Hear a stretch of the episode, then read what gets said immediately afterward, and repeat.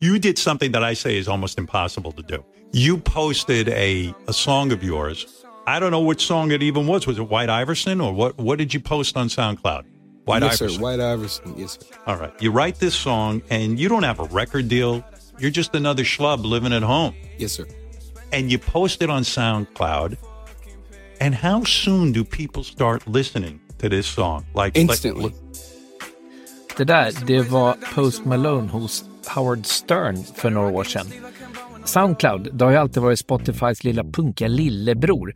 Stället där osignade artister härjade runt när Spotify dominerade konsumtionen av de stora och signade artisterna. Och för helåret 2023 så rapporteras det faktiskt nu att Soundcloud kommer göra en liten, liten vinst för första gången på 16 år. Idag så kommer vi träffa Henrik Lenberg, entreprenör och tidig anställd på Soundcloud. Han kommer berätta mer om de där galna tidiga Soundcloud-åren i Berlin och San Francisco. Jag heter Rickard Sandenskog och det här är Dagens Tech, Sveriges största dagliga podcast om Sveriges techbransch. Henrik är också entreprenör som har hittat en liten lönsam låda med sitt bolag Oxy inom Music Tech och snart ska han bygga någonting nytt. Men vi börjar historien om de där tidiga åren på Soundcloud och hur bolaget fick styrfart. Alltså när man tittar tillbaks på den tiden som var då, Soundcloud drog igång 2007, 2008 sådär. För tittar man bakåt så känns det ju självklart idag att det måste finnas någon plattform där man kan dela sin musik själv. Eh, och idag känns det självklart för, för oavsett om man vill skriva eller ta bilder eller göra video eller vad som helst. Men på den tiden så gick det ju typ inte att dela musik om man gjorde det. Eh, och Soundcloud var ju så rätt i tiden att liksom, det var naturligt att det skulle finnas en som plattform och Soundcloud gjorde det på rätt sätt och precis rätt tidpunkt. Och det var därför det liksom blev så oerhört bra product market fit som man brukar säga för Soundcloud. Soundcloud växte ju väldigt fort i början. Vad var det ni gjorde som gjorde att det tog fart?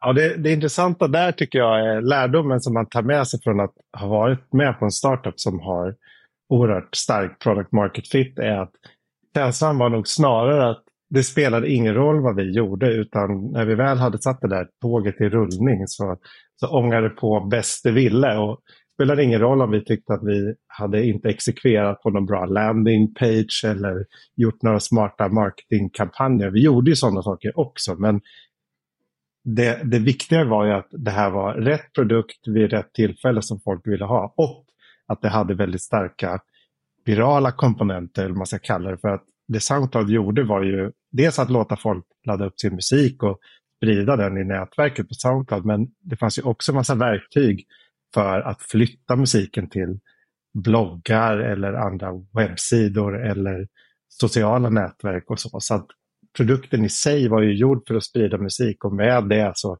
spreds eh, produkten själv också. Och det var det som var kärnan i, i Soundclouds snabba tillväxt.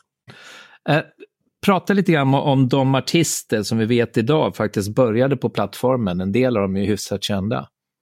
Mm, det är ju supercoolt att det är massa av liksom, de stora artisterna idag som Post Malone till exempel är ju känd för att han gjorde en låt bara out of the blue och postade den på, på kvällen innan han gick och la sig. Och sen när han vaknade nästa morgon så, så hade det blivit en, någon slags viral hit inom hiphop-världen.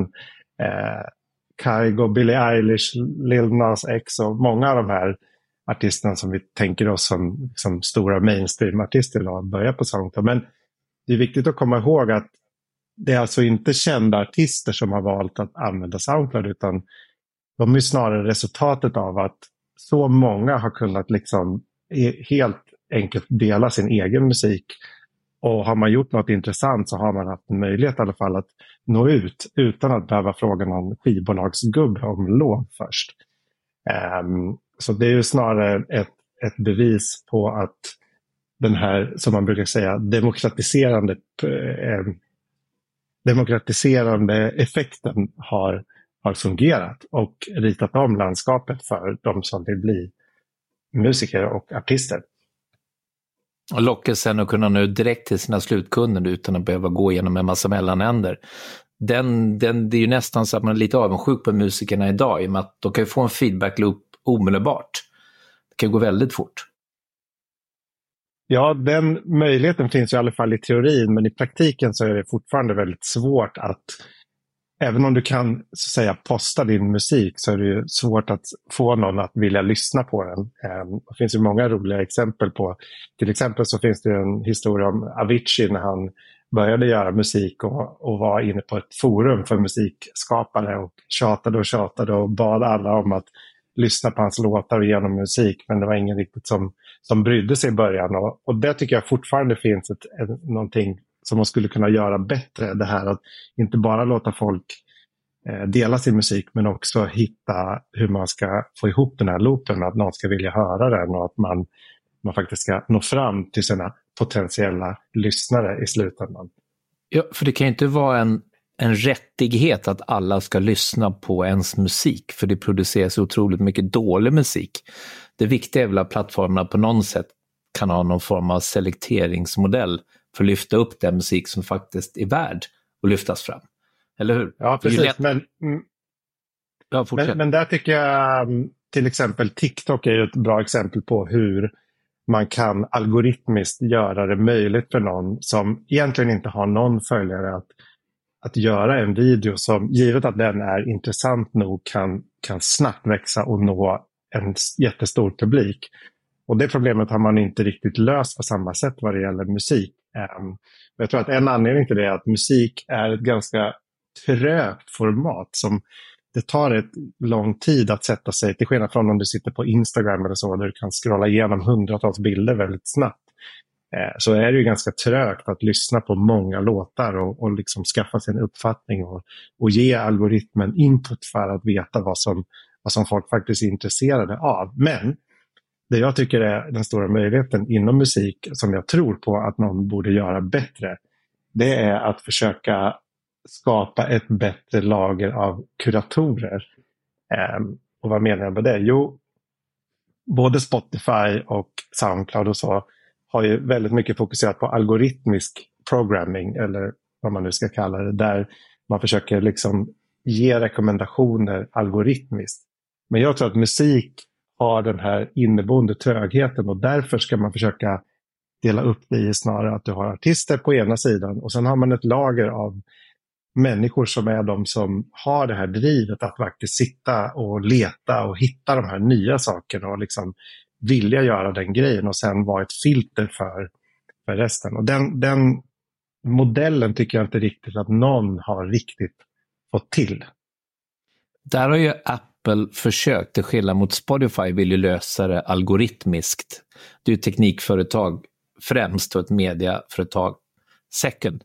Apple har jobbat ganska hårt med att lyfta dit profiler som just ska kurera innehållet och ganska stora tongivande globala DJs och radiopersonligheter.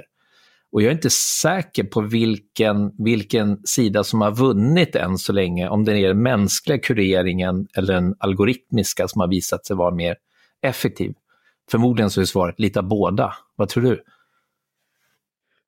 Um, det beror på vad man vad man menar med det. Jag, jag, tror att den här algoritmiska programmeringen kan vara oerhört effektiv för att bara mata på med, med låtar som folk har hört förut eller som många andra gillar och så. Men det, det som vi pratade om nyss är ju det här att hur går man från att när någon artist postar sin första låt, hur hittar den sin initiala publik? För när man väl har hittat en tillräckligt stor publik så har man ju nått någon slags tipping point i att algoritmen kan läsa in tillräckligt mycket signal i, i rekommendationen. Men det intressanta tycker jag är snarare att hur man ska kunna plocka upp, plocka upp det i det första läget. Um, och sen så, så, som du säger så finns det också många som har fortsatt med det här att låta till exempel eh, DJs eller andra kändisar, ett, ett litet antal, eh, göra spellistor och så. Men det jag tror på är att man, man måste flytta över även det lagret i något slags UGC, alltså user generated content och, och att liksom nätverket själv får for, formera sig och eh, liksom lyfta fram de här kreatör eller kurat faktorerna som gör det bästa jobbet. Och kan man få, få snurr på det, då tror jag att man kan skapa en mycket mer intressant plattform för att upptäcka ny musik. Oavsett om det är musik som är helt ny eller musik som du kanske inte har hört än men, men blir förvånad över hur bra du tyckte den var när du fick höra den. För det tycker jag fortfarande är någonting som, som funkar väldigt dåligt på, på Spotify och den typen av plattformar. Du var på Soundcloud under de där äh, tillväxtåren som du beskrev det, men det var också ett väldigt coolt bolag. Du var i Berlin, du var i San Francisco och jag gissar att du hade kunnat tagit ganska många olika, ganska trygga och välavlönade corporate-jobb efter det. Men du valde att dra igång ditt eget bolag. Varför blev det en startup? Ja, för mig så var det egentligen självklart redan innan jag hoppade på Soundcloud att jag skulle bygga ett eget bolag. Eller vara med och bygga bolag tidigt i alla fall. Ehm, och anledningen till att jag hoppade på Soundcloud var för att jag kände att det var en så pass unik möjlighet att få göra någonting som jag själv tyckte var viktigt och, och där jag gillade grundarna och fick tillräckligt mycket möjlighet att påverka och, och frihet och sådär. Så det var snarare lite av en omväg från den initiala idén om att, att få bygga egna bolag. Och det var någonting som jag insåg när jag pluggade eh, på KTH och i samband med det jag gick på den här typen av inspirationsföreläsningar med, med entreprenörer och insåg att wow, det är det här jag ska göra. Eh, för jag hade aldrig riktigt kunnat relatera till egentligen vare sig utbildningar eller normala jobb innan. Men, men när jag såg eh, såna, den typ, den, de entreprenörer som fanns då berätta med, med liksom glöden i, i ögonen om sina resor, då kändes det som att det här är klart man ska hålla på med det här. Bolaget blev Oxy. Vad var idén? Ja, idén med Oxy var egentligen en kombination av några olika saker. En, en sak som hade hänt under de här åren som jag var på Soundcloud, det var ju att iPhone och så småningom smartphones generellt hade gjort sitt intåg på marknaden och alla de här företagen som gjorde stora webbtjänster och så började helt plötsligt styra om sin strategi till att bli det man kallade Mobile First. Eh, för man såg att trafiken började växa exponentiellt på mobilen och att det inte skulle ta så lång tid innan det var den stora plattformen för att, för att nå ut på. Så då satsade man på att ställa om till, ja, till att, att hålla koll på den plattformen först. Efter pausen pratar vi om vilken fantastisk start Oxy fick men sen hur otroligt svårt det faktiskt är att behålla användarna i mobila appar, särskilt inom musik.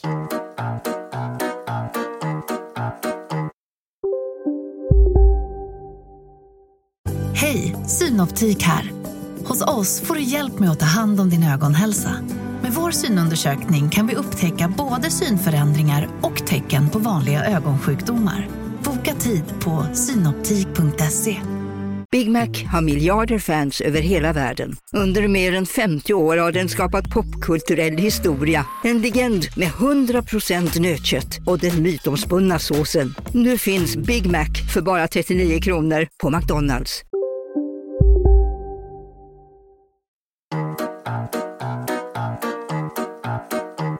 Men inom musikskapande som jag alltid varit intresserad av så, så var man i det här laget fortfarande väldigt fast i idén att man måste liksom sitta med en desktopdator och den typen av utrustning för att, att producera musik. Och för mig kändes det självklart att en generation som växer upp med, med mobiler och kanske bara har den typen av device, eh, att de också skulle kunna producera musik med dem. Eh, den andra aspekten av också är också att musikskaparverktyg har varit traditionellt sett väldigt komplicerade och rotats mycket i traditionen kring liksom studios med avancerad teknik och så. Och det som jag och Oxy brinner väldigt mycket för är att försöka snarare designa produkter som, som ger kreatörer eh, ett, ett, bättre verktyg för att vara kreativa snarare än att de, de är så värst inriktade på de här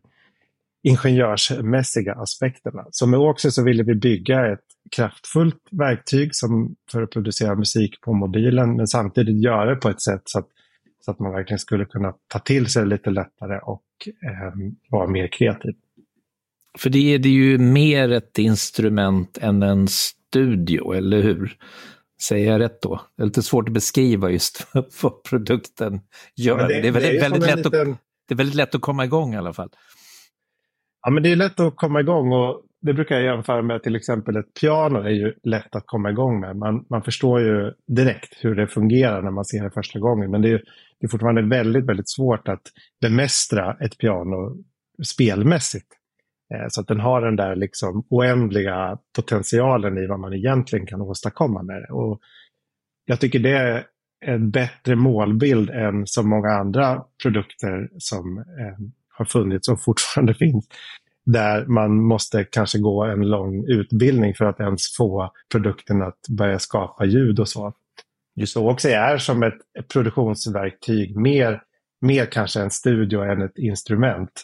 Um, eftersom du inte spelar och manipulerar i direkt så att säga, utan du programmerar musiken. Men du kommer direkt kunna få resultat och förstå hur det funkar.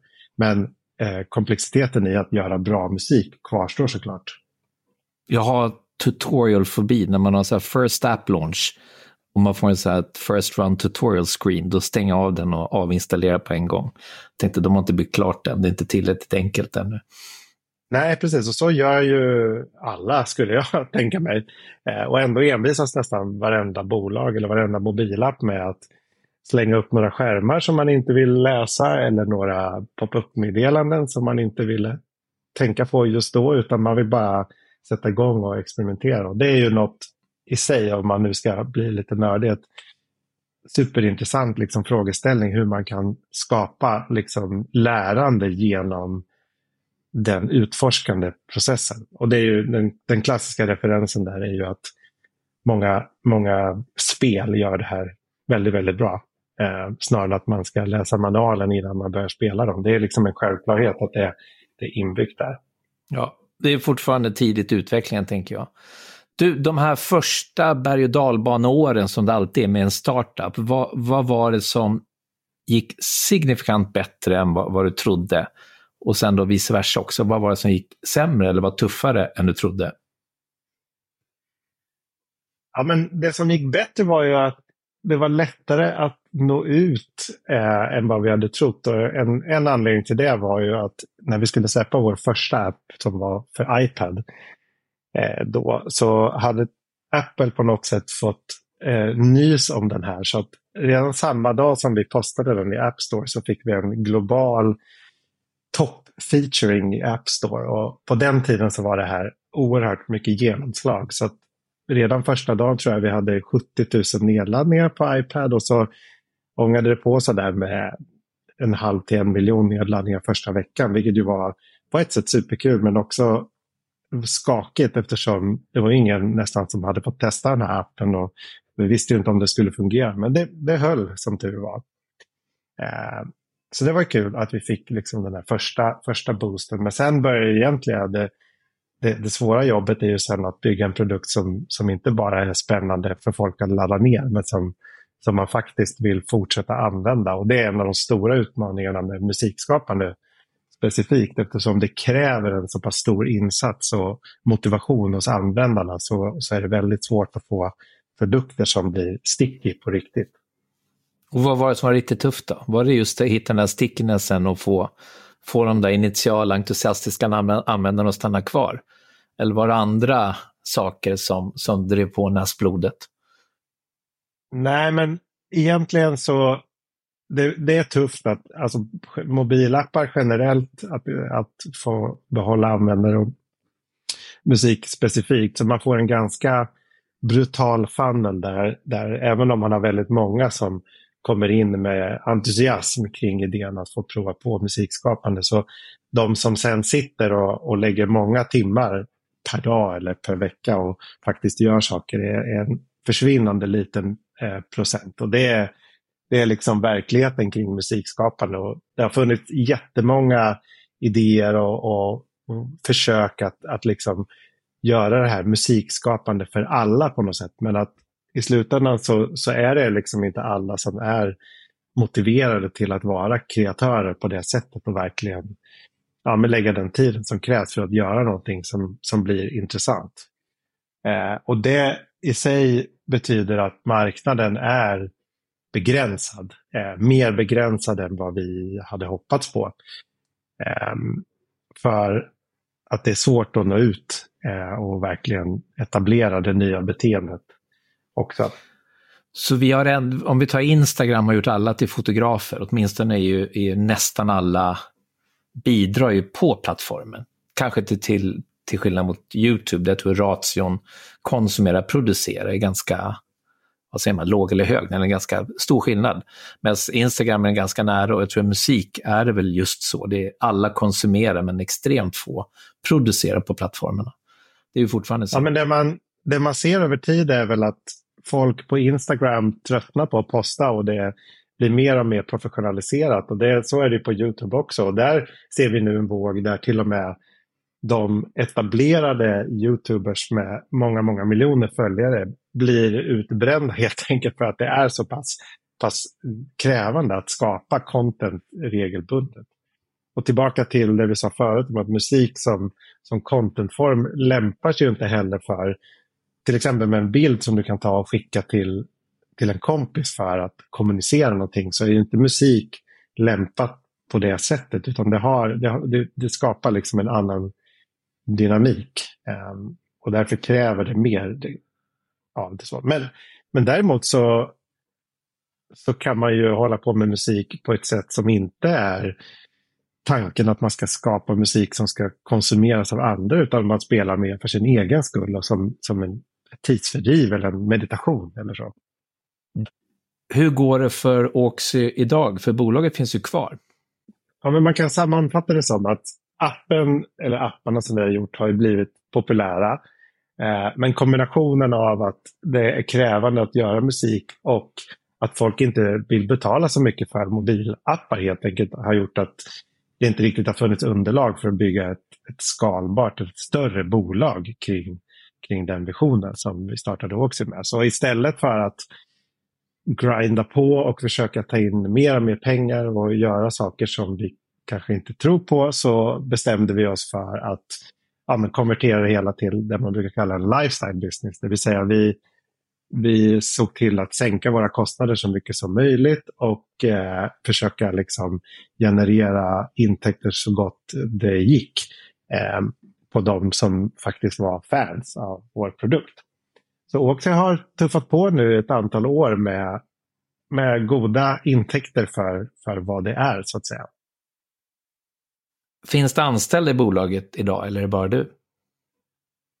Ja, men jag och min medgrundare Fredrik har jobbat till och från i bolaget men också kunnat hålla på med, med andra projekt.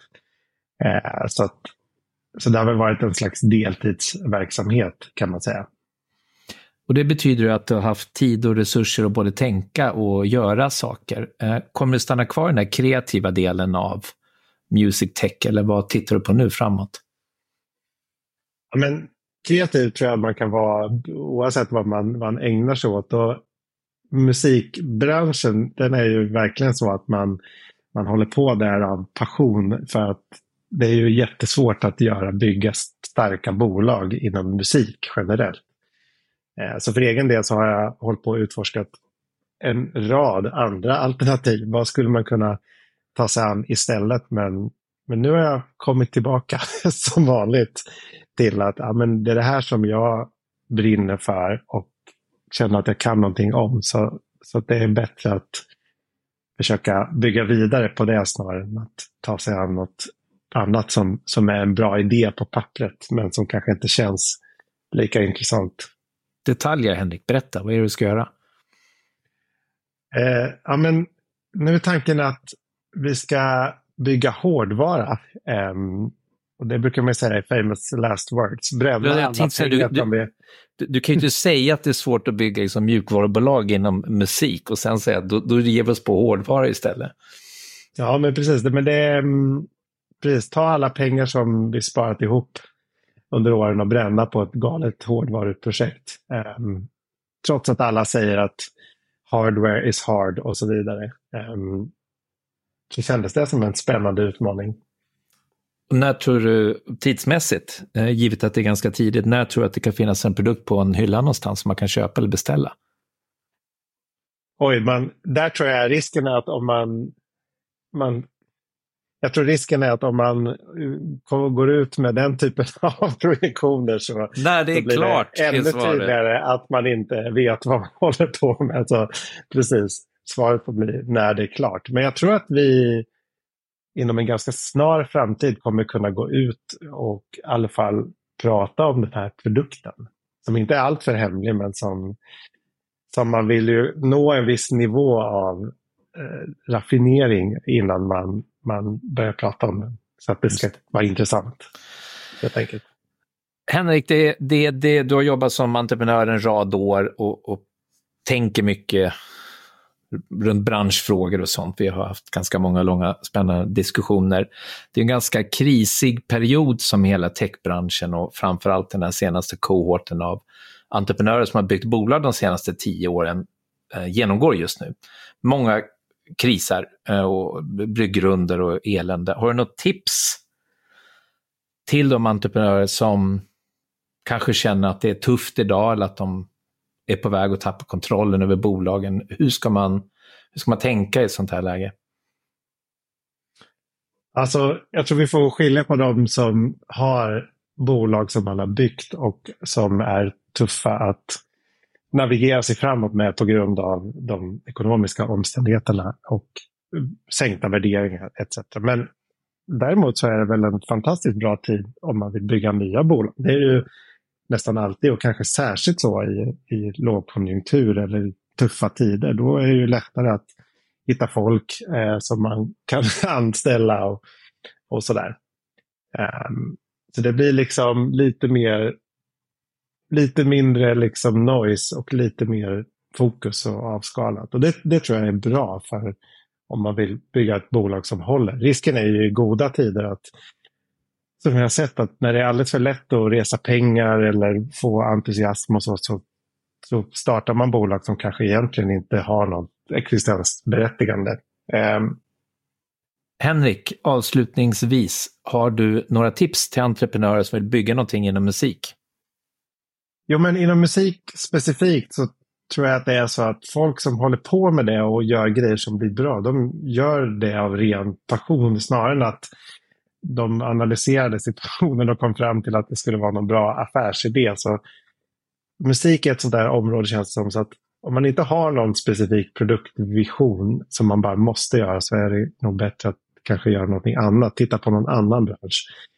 Eh, alla känner ju att de gillar musik men man måste liksom vara tillräckligt knasig för att kanske sitta och tänka på hur man ska bygga bättre interface och så dagarna i ända om man, om man verkligen ska kunna göra någonting där tror jag. Om man ändå ska starta ett bolag, vad ska man tänka på?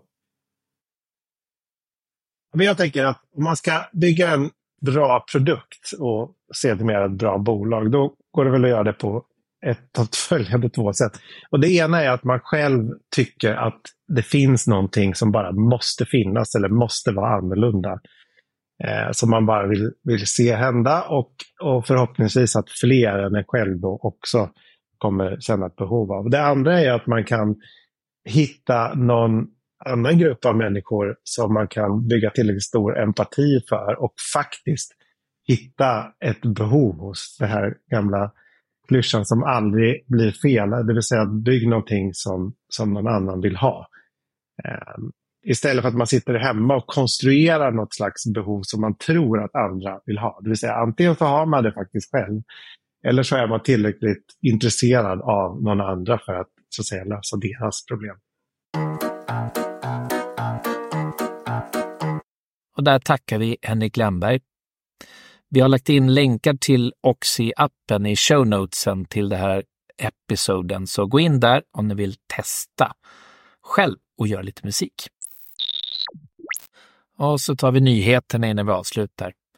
Svenska Hemnet fortsätter att gå som tåget. Det är ett av få digitala bolag som har gått bra på börsen de senaste åren.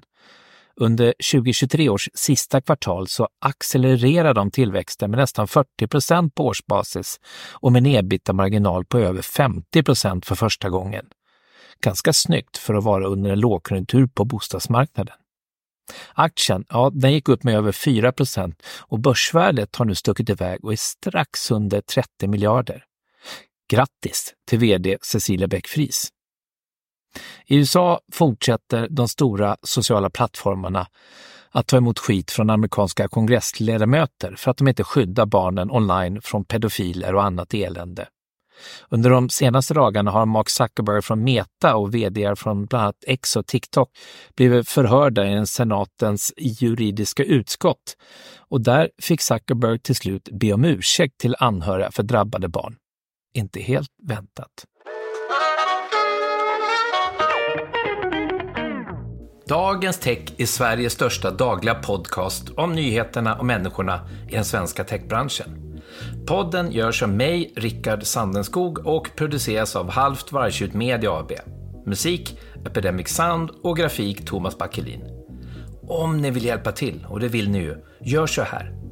Prenumerera på Dagens Tech i ditt favoritprogram för podcast och, viktigast av allt, tipsa alla dina vänner. Vi hörs!